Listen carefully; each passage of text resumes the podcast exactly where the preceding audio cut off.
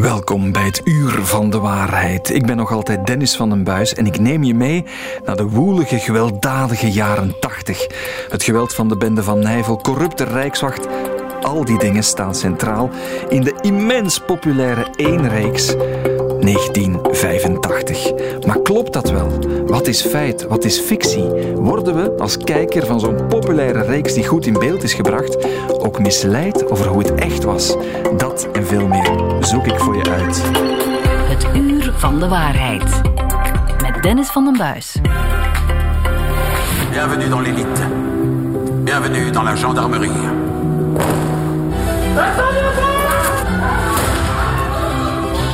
Moi, je vais plus de l'Est. Ga je op de bende werken? Ik zal eens zien of ik u meekrijg. En anders werkt er van hier. Dit gaat aan ons allemaal blijven plakken. Is dit nu moment de gloire? De Rijkswacht, de gendarmerie, twee jonge mannen begin jaren 80 die zich engageren om een carrière aan te gaan, maar de paden lopen uit elkaar. En dan gebeurt er van alles, wat ik daarnet ook al zei. Bende geweld, uh, infiltraties binnen de Rijkswacht, wapendiefstallen. Wat is feit en wat is fictie? Heel veel mensen hebben ernaar gekeken en hebben veel vragen. Vragen die ik kan delen en waar we hopelijk antwoorden op gaan krijgen. Van onze gasten, Willem Wallijn is hier, scenarist van 1985. Hallo. Willem, welkom. Dank u. Hoe gaat het nu je merkt dat zoveel mensen naar jouw reeks kijken? Dat is bijzonder aangenaam. Ik kan niet anders zeggen dan dat het bijzonder aangenaam is. De reacties zijn onverdeeld positief. Uh, mensen die, die vragen hebben, daar ga ik mee in debat, gelijk dat ik hier nu ook zit. Uh, maar het is echt heel, heel plezierig om te zien dat iets wat je geschreven hebt zoveel mensen raakt. Ja. Uh, ondertussen is de achtste aflevering beschikbaar uh, via VRT Max. En dat, dat zorgt voor een, een, hoe moet je dat zeggen, een tsunami aan reacties wel. En, en heel veel reacties ook over wat is daar nu echt gebeurd? Want telkens er ook een nieuwe aflevering komt op VRT ja. Nieuws, verschijnt er een prachtig journalistiek stuk van onze collega Dirk Leestmans, die zich met justitie en criminaliteit bezighoudt op journalistiek vlak. Dirk, ook welkom hier. Dank je. Dirk, die jaren tachtig, jij zet op een rijtje wat er feitelijk gebeurd is altijd en gelinkt kan worden aan die afleveringen. Waar was jij in de jaren tachtig toen dat allemaal gebeurde? Wel, ik studeerde toen criminologie. En ja, wat dat betreft leefden we op dat moment in een wel erg gezegend landje. Er gebeurde in de jaren tachtig van alles. De bende van Nijvel, uh, maar ook de bende van Patrick Hamers. Uh, later, of een tal van aanslagen gepleegd op geldtransporten. Maar later dan ook de ontvoering van VDB. Uh, de CCC. Sorry? De CCC. De CCC, inderdaad. Uh, de grote werkloosheid, uh, de betogingen tegen de Tinazet enzovoort. Dus ik had in Leuven. En uh, als ik nu kijk naar die reeks, ja, dan is het alsof ik mijn studententijd herbeleef. Want dat is de grote vraag. Herbeleven we die tijden zoals ze waren? Of zitten we in een fictiereeks? jij zet de feiten op een rij. Willem, er is heel veel discussie over, hè? ook in, in, in krantenartikels. Moeten we nu geloven wat daar verteld wordt? Hoe ben jij te werk gegaan, bijvoorbeeld, om al die dingen op een rij te zetten? Wat zijn de bronnen voor jouw reeks? Maar, maar om te beginnen, als je een fictiereeks vertelt, zijn uw bronnen uw fantasie. Om te beginnen fantaseert je een verhaal waarbij dat je zegt, dit is wat ik wil vertellen. En ik wou het verhaal vertellen van drie jonge mensen in die periode die ik uh, even actief als Dirk beleefd heb. En de achtergrond heb ik gekozen, en specifiek gekozen, om alles wat met, tussen aanhalingstekens ga ik het even de bende van Nijvel noemen, alles wat daar de tijd bepaalde. En daar heb ik mijn personages mee geconfronteerd. Wat is er waar? Wat is de, de feiten? De feiten zelf zijn een soort opgave van die misdaad is gepleegd, die misdaad is gepleegd en, enzovoort. Wat is er niet waar, is het verhaal van drie van mijn personages die tegen de achtergrond van de geschiedenis hun leven gaat bepaald worden door de geschiedenis. Dus je hebt een combinatie en die combinatie die... Ik heb, ik heb veel journalisten en, en, en, en historici aan de lijn of die zeggen, ja maar wacht, dat is niet waar en dat is niet juist en daar had je dit moeten zeggen. Maar ik zeg, ja, ik, ik hoor dat, maar dan, dat is uw reeks. Ik doe niet aan reenactment. Ik doe niet aan documentaire maken. Dus als je het zou vergelijken, kijk, je hebt fotografen. Ik ben geen fotograaf, ik ben een schilder. En ik geef mijn perspectief, ik geef mijn kleuren, ik geef mijn aandachtspunten, ik geef mijn beeld van een periode waarin dat er heel zware feiten gepleegd zijn. Maar het is mijn versie. En ik ben verantwoordelijk. Dus als ik fouten maak of als ik ergens dingen eh, doe waar dat mensen niet tevreden over zijn, dan ben ik verantwoordelijk. En die verantwoordelijkheid neem ik volledig op. Maar als kunstenaar. Niet als journalist, dat ben ik niet. Als uh, mens ook, daar wil ik ook mijn verantwoordelijkheid nemen. Maar ik wil niet, niet in debatten gaan van, mag je dat wel doen? Natuurlijk mag je dat doen.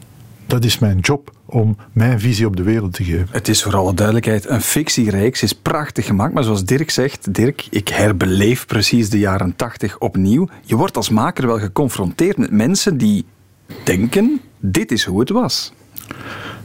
Ja, maar ik denk niet dat mensen zo naïef zijn om te zeggen: ah, we gaan dit. Uh, voor waarheid nemen en ons denken veranderen over van alles en we gaan plots. Kijk, ik, ik, zou, ik zou van alles kunnen, kunnen analyseren hier samen. En we gaan dat waarschijnlijk wel een beetje doen ook straks.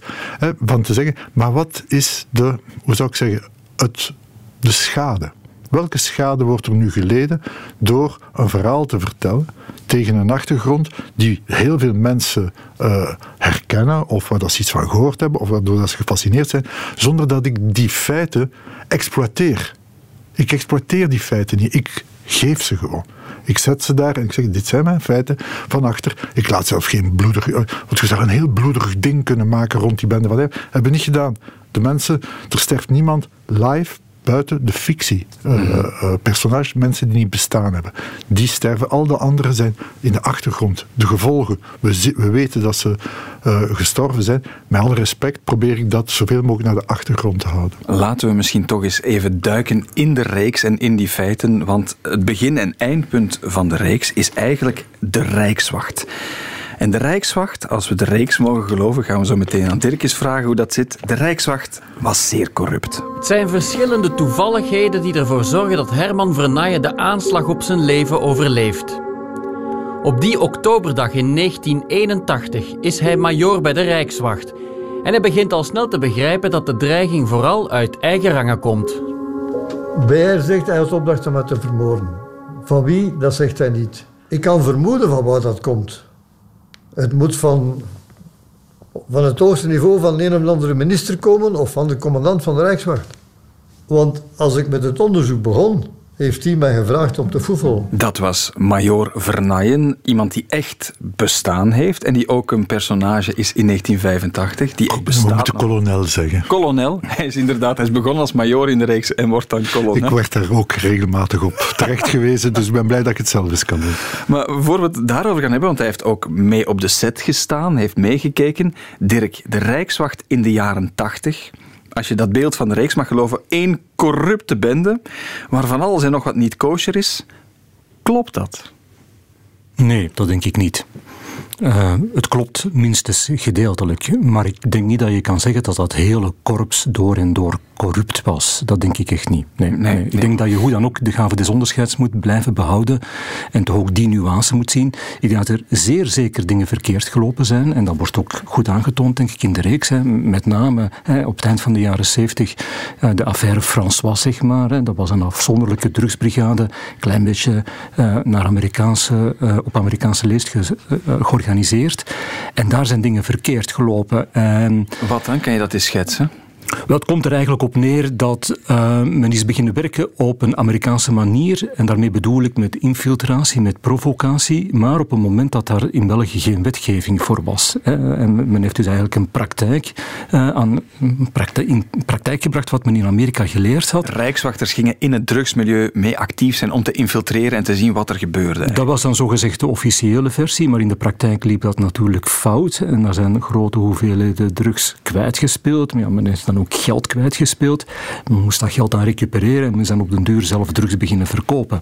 Maar het punt is, los van, van, van, van die feiten, is eigenlijk wist de Rijkswachtleiding wel waar die mannen mee bezig waren. En het is pas op het moment dat het verkeerd gelopen is, ja, dat dan natuurlijk de paraplu's wat opengetrokken zijn geweest. En dan zijn er inderdaad ook een aantal mensen finaal veroordeeld.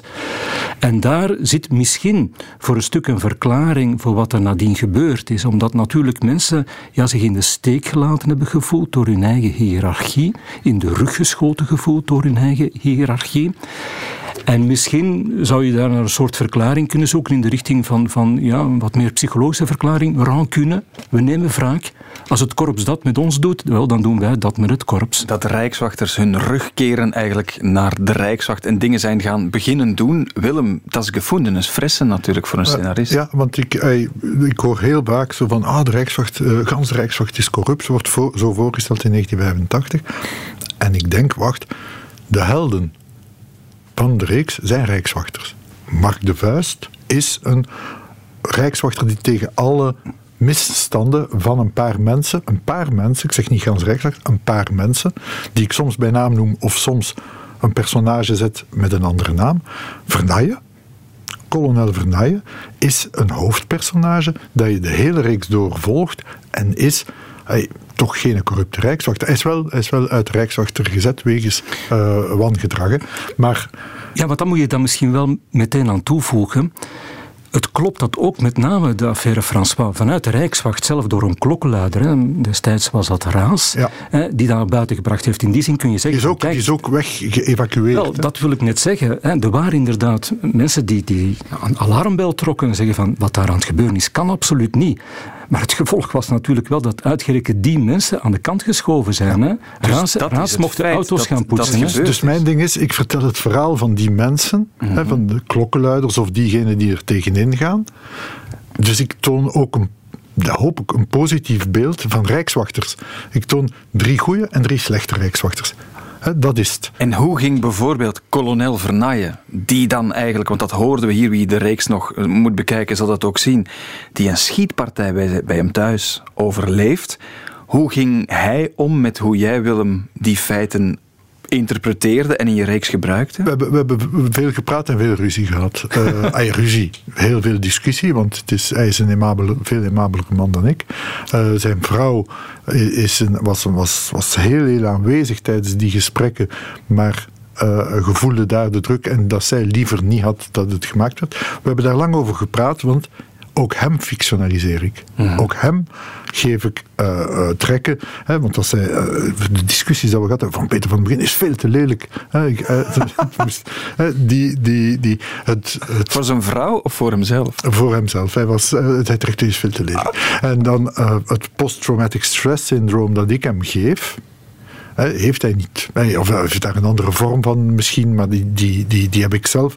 En ik heb daar met hem over gesproken. Ik heb gezegd: kijk, ik heb dat nodig voor het vertellen van een verhaal van iemand die slachtoffer is geworden en die niet erkend wordt als slachtoffer en die door gans zijn korps. Hè, want hij was echt een echte rijkswachter. Hè. Die, die man had generaal kunnen worden van de rijkswacht. Hij is van beneden begonnen, examens, zo naar boven. Heeft de groep Dian opgericht. Enfin, is echt, echt een, een, een gendarme puur sang, zoals ik dat zou willen noemen. Maar ik had zijn personage meer nodig. En het feit dat hij slachtoffer was in een. Bijvoorbeeld, ik heb hem andere gezinssamenstelling gegeven en wat weet ik allemaal. Maar ik heb wel de feiten die hij mij vertelde over de aanslag, over zijn dochter die wapen kwam brengen, over hoe dat de relatie met zijn vrouw daarna uh, onder druk kwam te staan, hoe dat zijn relatie met zijn overste was. Hij, is ook gedegradeerd. Hij, is, hij heeft in de garage gezeten. Maar natuurlijk, in een fictie kun je niet al die nuances zo strak geven. Dus je moet rechtstreeks. En dat zijn discussies.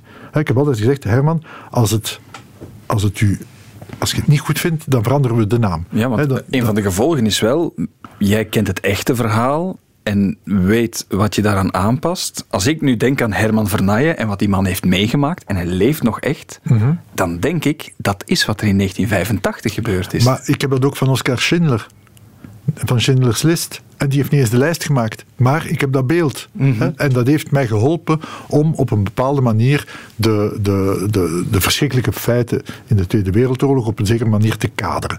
Hè? En daarom heb ik geen, geen enorm beeld van, oh, dit zijn de echt goeie, dat zijn de slechte, en die waren zo en zo, en die hadden zo, en die hadden die kleren aan. Maar ik denk, ah, Oscar Schindler is een interessante man, heeft dat en dat en dat gedaan. En aan het einde komt er ook een documentair stukje, terwijl dat de man iets totaal anders gedaan Ja. heeft. Iemand die hier al heel de tijd zit mee te luisteren is onze derde gast, die we er even hebben buiten gelaten. Dat is eh, professor Stijn Joye van de Universiteit van Gent, professor Media en Cinema Studies. Stijn, ook welkom voor jou. Hallo. Stijn, als we dit horen, we hebben het hier eigenlijk al heel de tijd over de grens tussen feiten en fictie, waar echte feiten een rol in spelen. Hoe kijk jij ernaar, eh, naar heel dat debat? Mogen we dingen verwachten van fictie of doen mensen dat onbewust, terwijl dat eigenlijk, zoals Willem zegt, niet de taak is van fictie? Wel, ik denk dat, er, eh, dat heel eloquent verwoord is eigenlijk door eh, Willem. In de zin van, je bent iemand die een, een versie van de realiteit brengt, van een bepaalde waarheid. En dat is ook wat wij als publiek eh, ook wel dan eh, consumeren. Het is ook een, een bepaalde versie. Maar uit onderzoek blijkt wel dat veel mensen niet altijd eh, het mooie onderscheid kunnen maken tussen een interpretatie, een bepaalde versie en eigenlijk dan de versie of de waarheid.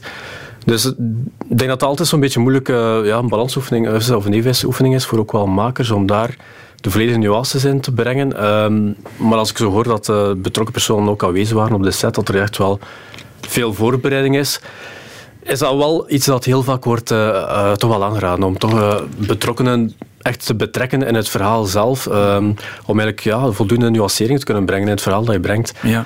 Want dit is ook een periode die heel veel jonge mensen niet bewust hebben meegemaakt. Eh, speelt dat ook, denk ook aan The Crown of andere historische reeksen. Dat is, dat, is, dat, is, dat is interessant. Ah, Sorry dat ik jou onderbreek, Stijn. Maar dat is iets interessants dat we nu zien. eh, want ik krijg hier van, vanuit de VRT wel heel veel over de, de cijfers. En daar is dat nu plotseling de, de jongeren die reeks echt aan het, aan het koesteren zijn ook. En daar inderdaad mogelijk een beeld uit eh, kunnen halen. En dan heb ik mij afgevraagd. Hè, dus wat, ik heb een moreel besef.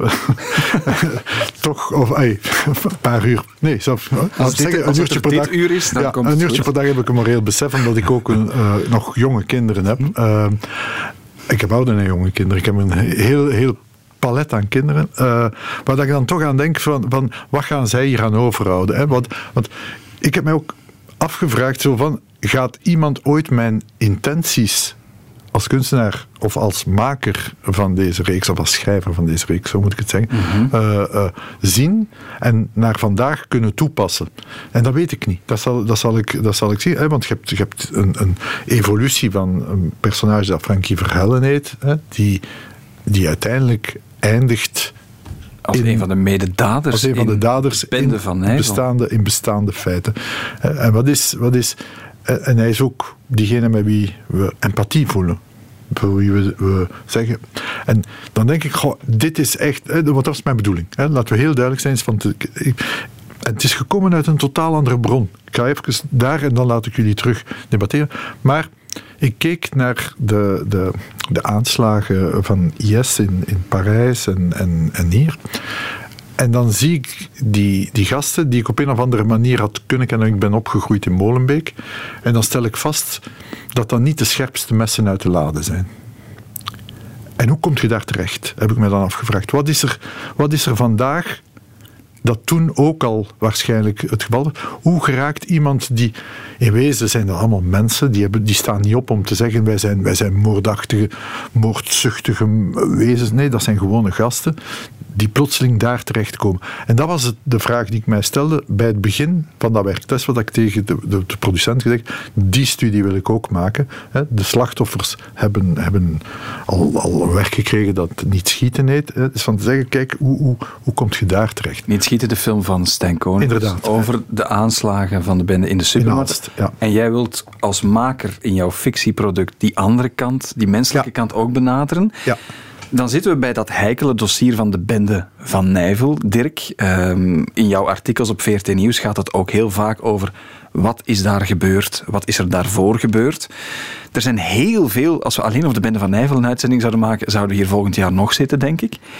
Er zijn heel veel pistes.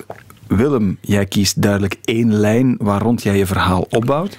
Hoe kijk jij daar journalistiek naar, naar Dirk, naar wat er in de reeks over de bende naar voren komt?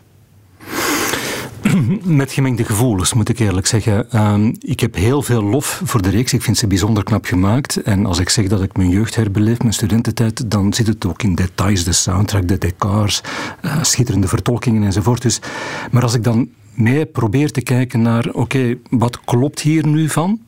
in de mate dat we het weten, dan heb ik wat moeite met, met de manier van werken, omdat ik vind dat, alle respect voor wat je net gezegd hebt, maar ik vind eerlijk gezegd dat je een beetje dubbel speelt.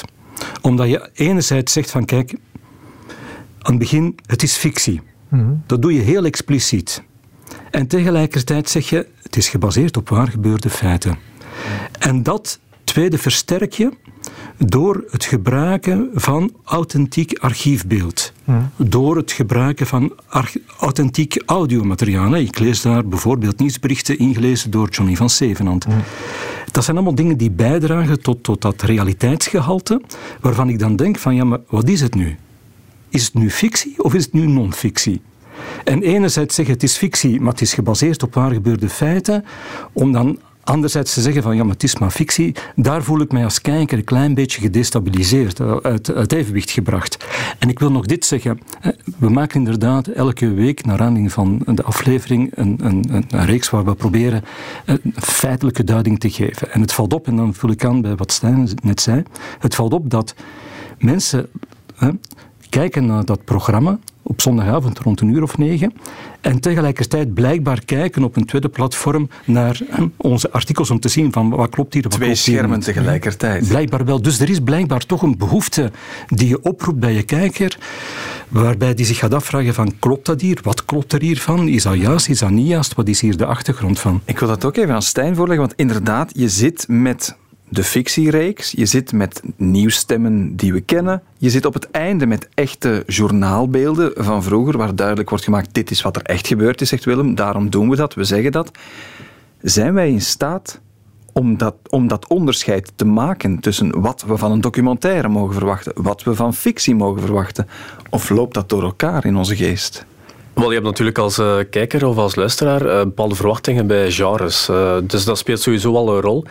Maar als ik even uh, Frank van der Rijden mag parafraseren, de waarheid ligt nooit in het midden, maar ik denk ook met feit en fictie heb je ook een spectrum waar je ook wel merkt dat dat nooit 50-50 zal zijn, dat dat ook altijd... Uh, ik denk zelfs in één aflevering dat zelfs daar al een wisselende mix kan krijgen van die verschillende gradaties van mhm. realiteit en zo meer.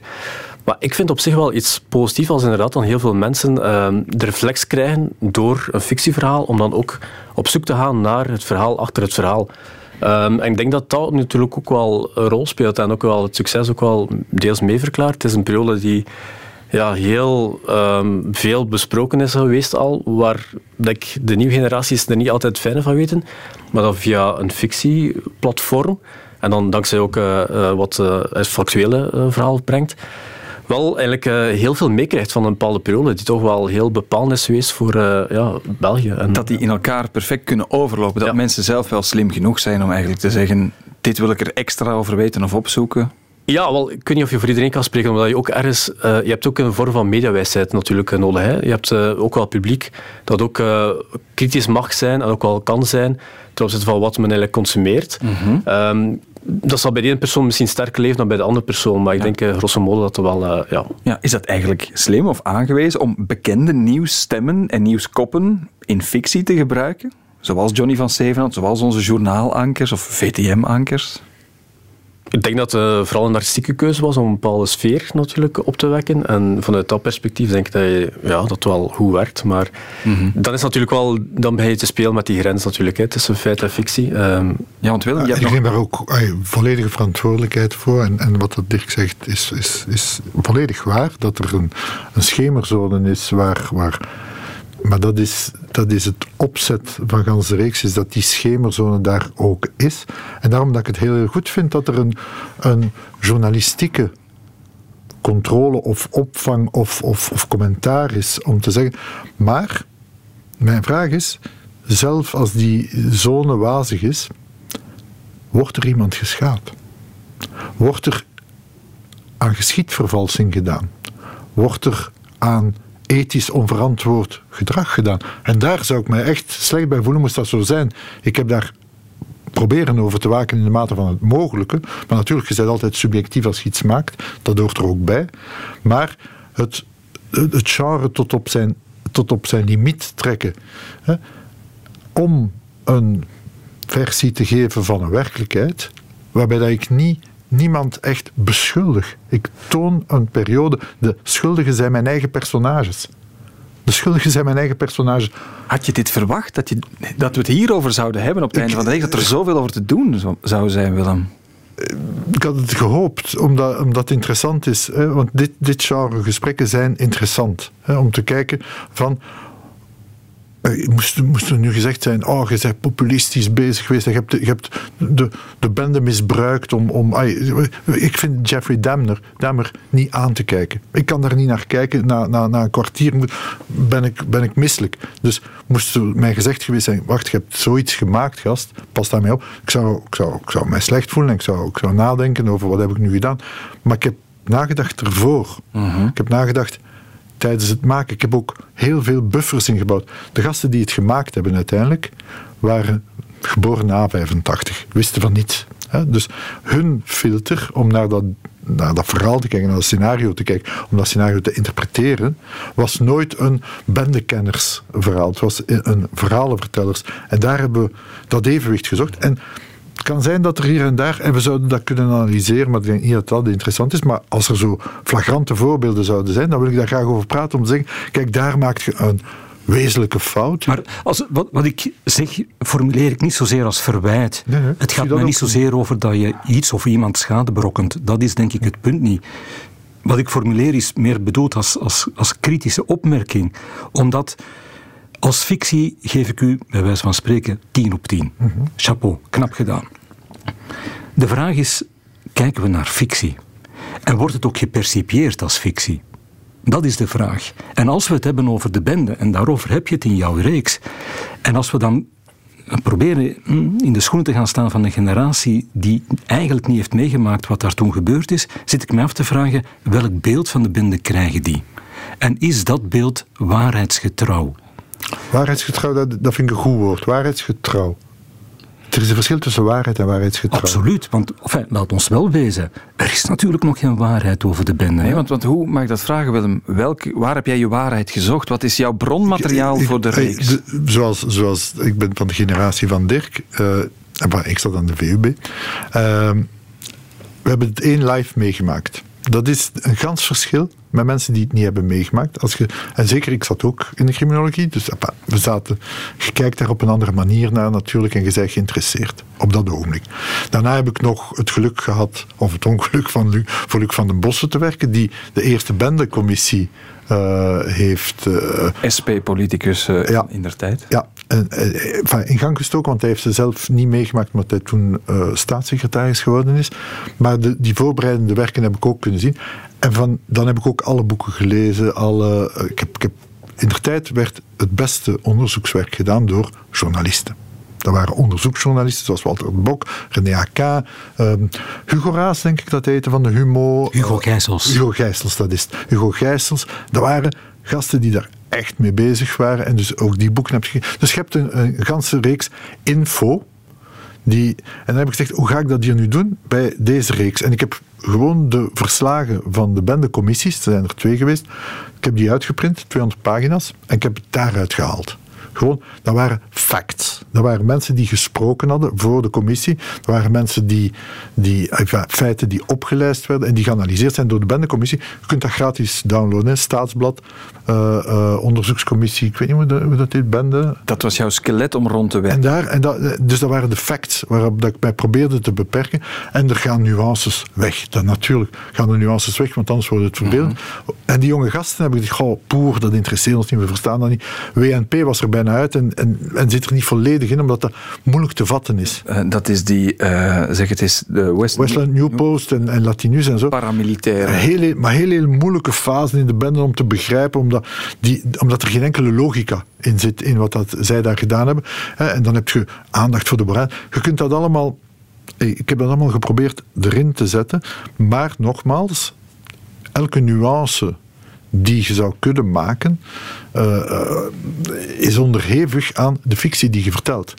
En daar probeerde ik te kijken van hoe kunnen we die twee. Uh, en als er momenten zijn dat we erover gaan in eerder het, het fictionaliseren van, van dingen die meer nuance verdienen, zou dat dan kunnen betekenen dat de mensen zeggen: Ah, de bende, dat is dat? Dat weet ik niet. Ik, ik vraag het mij af. Vergis ik mij dat je blijkbaar die behoefte toch ook had om je programma, hoe goed, het hoe goed gemaakt het ook is, toch een soort van serieus bij te brengen door inderdaad een aantal reële elementen daarin te brengen, door bijvoorbeeld dat authentiek archiefmateriaal daarin te brengen. En wat ik mij dan afvraag is bijvoorbeeld, Okay, sommige mensen worden met naam genoemd. Ja. Vernaaien is één voorbeeld. Andere mensen worden niet met naam genoemd. Met name Goffinaar. Mm In werkelijkheid is dat dan Goffinon. Dat is dan een klein dat woordspelletje. Dat, dat, kan ik niet bevestigen of ontkennen, zoals okay, ze zeggen op wel, tv. Nee, maar dat is wat je nu zegt, je lacht, maar dan denk ik van speel je nu geen spelletje? Waarom gebruik je de naam van Vernaaien en terwijl iedereen die dat dossier van ver of van dichtbij kent, weet dat Goffinaar geïnspireerd is op de figuur van Goffinon, zeg jij van sorry, daar zwijg ik over. Nee, nee daar zwijg ik, ik, ik bevestig het niet. Het ding is, kijk, er zijn nog heel wat mensen in leven of hebben erfgenamen en in de mate van het mogelijke hebben we die mensen allemaal gecontacteerd. En er zijn mensen die niet wouden of niet konden, of om juridische reden dat er gezegd werd, kijk, hier kunt je niet gaan. En ik heb dat gerespecteerd. Ik heb gewoon gerespecteerd wat er uh, zowel door de mensen zelf als de juristen gezegd wordt. En er zijn mensen naar wie dat, dat, dat, ik verschoten ben dat ze mij zomaar toestemming gaven. Uh, de, de, dochter Finet, die vond het fantastisch. En dan zeg je, oké, dat doen we dan. ik, heb, ik heb met de zoon Mendes een, een, een echt goede relatie gekweekt door deze reeks, die voor hem bijzonder moeilijk was om te herbeleven. Want slachtoffers, die zien wel af door die reeks. Dat weet ik wel. Die worden herinnerd aan iets wat ze liever niet aan herinnerd worden. We hebben bijvoorbeeld ook, dat was eh, in de wereld van Sofie op Radio 1, uh, we zullen daar misschien even kort naar luisteren, getuigenis van Linda van Uffelen. Ja. Ze werden betrapt en ze hebben zonder aarzelen een slachtpartij aangericht. Ik heb niet gekeken naar de serie. Ik, ik, ik heb even zo eens gezien dat ik aan het zappen was. Maar het is te gewelddadig, vind ik. Het waren echt beesten die dat je bezig zag. En dat, dat komt dan allemaal direct te boven natuurlijk. Hè. Ik slaap nou al niet zo, dus... Uh, je doet niet aan als er denken, zeker dat ik dat zie. Ik heb dikwijls ineens... Maar gaan stappen zijn ineens een beeld voor mij, hè. Waar ze met een man, zo gezegd, doe het gedaan hem in de kop, hè. De listekogel, dus, hè. Dat ik hem er zo zie liggen aan die kelderdeur waar het gebeurd is, zo gezegd. Dat is een, een film, dat komt ineens voor mij, zo. Dat is vies, hè. Het heeft wel impact, inderdaad, wel. Ja. Ja, nee, nee, maar dat, dat komt binnen en, en, die mevrouw, in de tijd is die gecontacteerd door de productie. Maar in datzelfde interview zegt ze, maar ik ben wel blij dat ze dat getoond hebben, want voor een keer wordt er over Temse gesproken, wij zijn altijd vergeten. Dus het is heel, heel dubbel. En ik, kijk, slachtoffers, ik probeer zo, zo, zo weinig mogelijk zelf met die slachtoffers te spreken, met David van Steen en zo gesproken, maar het leed dat die mensen hebben, probeer ik zo respectvol mogelijk in die reeks te verwerken. En we hebben ook de reeks uiteindelijk opgedragen. Maar als je onderdeel bent van de geschiedenis, kan ik moeilijk zeggen: sorry, we gaan u niet in die geschiedenis betrekken. Die mevrouw zegt het zelf in datzelfde interview. Als je, dat, je kunt dat herbeluisteren op Radio 1, zegt ze aan tijden, maar ik ben wel heel blij dat ze een keer iets over Temse gezegd hebben. Ja, dubbel is een woord dat ik heel hard onthoud uit alles wat we hier gezegd hebben. Ik kom ook even terug op wat je eerder zei, Willem. Ik heb nooit de intentie gehad om iemand te schaden. Ik heb daar wel overwogen over nagedacht. Maar Stijn, je zei ook eerder, kijkers hebben verwachtingen van bepaalde genres. Of het nu een documentaire is of een fictiereeks is. We hebben dat ook gezien de laatste jaren als het gaat over corona of andere complottheorieën. Heel veel mensen kapen de vorm van bekende genres, van de documentaire, van de fictiereeks. Je kan het met heel weinig middelen tegenwoordig er goed doen uitzien. Hoe kijk jij daarnaar? Is dat een gevaar voor de toekomst, die vermenging van genres en wat technologie allemaal kan? Ik denk dat dat een heel ruime discussie ook gaat over fake news, over desinformatie um, en zo meer. Het is natuurlijk, uh, documentaire heeft een bepaald uh, kwaliteitslabel, um, maar natuurlijk, de inhoud ervan wordt daardoor niet uh, helemaal bepaald. Dus het is altijd de maker zelf die bepaalde ja, keuzes maakt qua beeldselectie, qua topics die worden aangehaald. En ik denk dat je tegenwoordig ehm, zijn er zoveel mogelijke technologische mogelijkheden dat iedereen zijn of haar eigen verhaal wel ergens kan kwijtraken. En ik denk dat we dan onze uh, vooral moeten richten naar eigenlijk, uh, het Huis van Vertrouwen, als dat nog altijd... Uh, Iedereen wijst naar Dirk Leestmans ja. op dit moment. Maar het is toch wel een, een gevaar. Vroeger kon niet iedereen dit maken. Nee, inderdaad. Nee. Um, ja. Dus dit is, dit is een nieuwe realiteit waar je natuurlijk moet mee omgaan. En ik denk ook een nieuw... Het woord is al even van, die mediawijsheid. Ook het opvoeden van de jeugd al. Het kritisch durven nadenken over wat hij allemaal consumeert. Ook al onharde bron uiteindelijk. Hè, want uiteindelijk kan je ook altijd zeggen van nieuws is ook ergens een selectie. Dus daar moet je ook bewust van zijn. Ja, want context verdwijnt misschien ook. Hè? We zien alles als een filmpje ergens opduiken. Waar dat misschien vandaan komt of hoe dat gemaakt is, we weten dat niet altijd. Nee, inderdaad. Um, en ik denk daar, factchecking is dan ook uh, een heel belangrijk spoor voor de toekomst, denk ik. Als daar meer kan op ingezet worden. En ook uh, in het onderwijs. Mm -hmm. dat dat twee elementen zijn die wel een rol kunnen, of een verschil kunnen maken, hopelijk. Ondanks de discussie tussen Dirk en Willem, hebben we dan geluk dat Willem goede intenties had? Maar ik denk dat Willem zijn intentie vooral was om een verhaal te vertellen over dat iemand uiteindelijk een bepaalde actie onderneemt mm. tegen een achtergrond van een gebeurtenis die natuurlijk wel zoveel weerklank krijgt. Uh, moest die gebeurtenis minder omvangrijk zijn, ik misschien minder dit gesprek gekregen hebben over feit en fictie. Um, maar ja, de intentie is denk ik wel belangrijk. Ja. Maar ik, ik heb niets nieuws gedaan, hè, want het lijkt alsof ik plotseling iets doe dat nog niet gedaan is. Dit is al eeuwen oud. Homeros is ermee begonnen en we, zijn, we hebben daar gewoon op verder. Maar stel je voor dat een film als Citizen Kane niet zou gemaakt zijn, die ook gebaseerd was en als een documentaire is voorgesteld, enzovoort, enzovoort. Maar het ging over Randall Hearst. Hè, die, het was een kritische tijd en het is een meesterwerk. En we hebben ze, hebben toen ook dezelfde opmerkingen gemaakt. En dan zeggen kijk, ik zet een traditie verder en daar, daar, kunt je, daar zal altijd kritiek op komen. maar dat is het risico dat je maar moet nemen als kunstenaar. Dat is het risico dat je als verhalenverteller hebt, dat je moet nemen. Anders, anders vertellen we allemaal dezelfde pulp. En soms moeten daar eens durven tegenin gaan. En het enige, mijn, mijn enige criterium is respect voor iedereen. Voor iedereen. Want ik heb ook respect voor elk personage dat daarin rondloopt. En voor de mensen natuurlijk die het echt beleefd hebben. En als je fouten maakt, dan moet je zeggen sorry. En dat is het laatste wat ik hier zou willen zeggen. Is, het is de Belgische staat die hier fout gemaakt heeft. Door dit niet op te lossen. En dat is niet erg. Iedereen maakt fouten. Het enige wat ik een beetje spijtig vind, is dat ze er niet in slagen om zich te excuseren. Of om dat goed te maken. Om te zeggen, kijk slachtoffers, sorry, we gaan dat nu, dat dossier sluiten, want het heeft geen zin, we, geraken er niet. We sluiten dat dossier en we zorgen voor jullie. En dat is, dat is nu, dat zou nu het allerbeste gevolg zijn voor iedereen. Als ik ongenuanceerd ben geweest of als ik bepaalde dingen iets te veel belicht heb, oké, dan zeg ik sorry. Maar laat de Belgische staat nu ook sorry zeggen voor gans die feiten mhm. die ze niet heeft kunnen oplossen. En in plaats van sorry moeten we ook dankjewel zeggen, want het is een fantastische reeks fictie om naar te kijken. En Dirk, uh, jij hebt er ook je journalistieke werk mee gehad. Slotvraag misschien voor jou. Zijn we nu misleid door die reeks, ja of nee? Daar moet ik heel even over nadenken.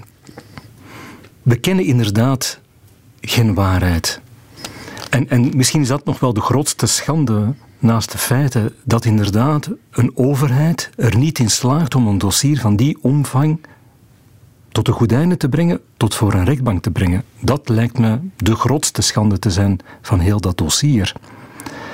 Maar precies omdat we geen antwoorden hebben, vullen we die zelf in. En ik vrees een klein beetje, hoe goed gemaakt de serie ook is, dat de serie eerder bijdraagt tot een mythevorming rond de bende, dan wel tot het geven van antwoorden op wie was die bende. We zullen de kijkers het laatste woord geven. Zij mogen voor zichzelf uitmaken wat ze van de reeks vonden en of ze al dan niet met de tablet tegelijkertijd jouw artikels van VRT Nieuws uh, checken. Dirk Leestmans, collega-journalist, dankjewel voor je komst. Willem Wallijn, maker van 1985, de hele reeks staat op VRT Max. Ga dat zien. Dankjewel voor jouw duiding. En Stijn Joye, professor van de UGent Media en Cinema Studies, hartelijk dank voor je komst. En daarmee zitten we aan het einde van dit Uur van de Waarheid. Een special rond de grens tussen feit en fictie in de woelige jaren 80 en de reeks 1985. Het Uur van de Waarheid is een co-productie van VRT Nieuws en Radio 1. En alle eerdere podcasts en afleveringen kan je herontdekken in de app van VRT Max. En dat is geen... Fake news, fake news. There's never been an innovation that's so easy to do. They used to be lies, now they're alternative truths. So if you fake it with me. I'll fake it with you.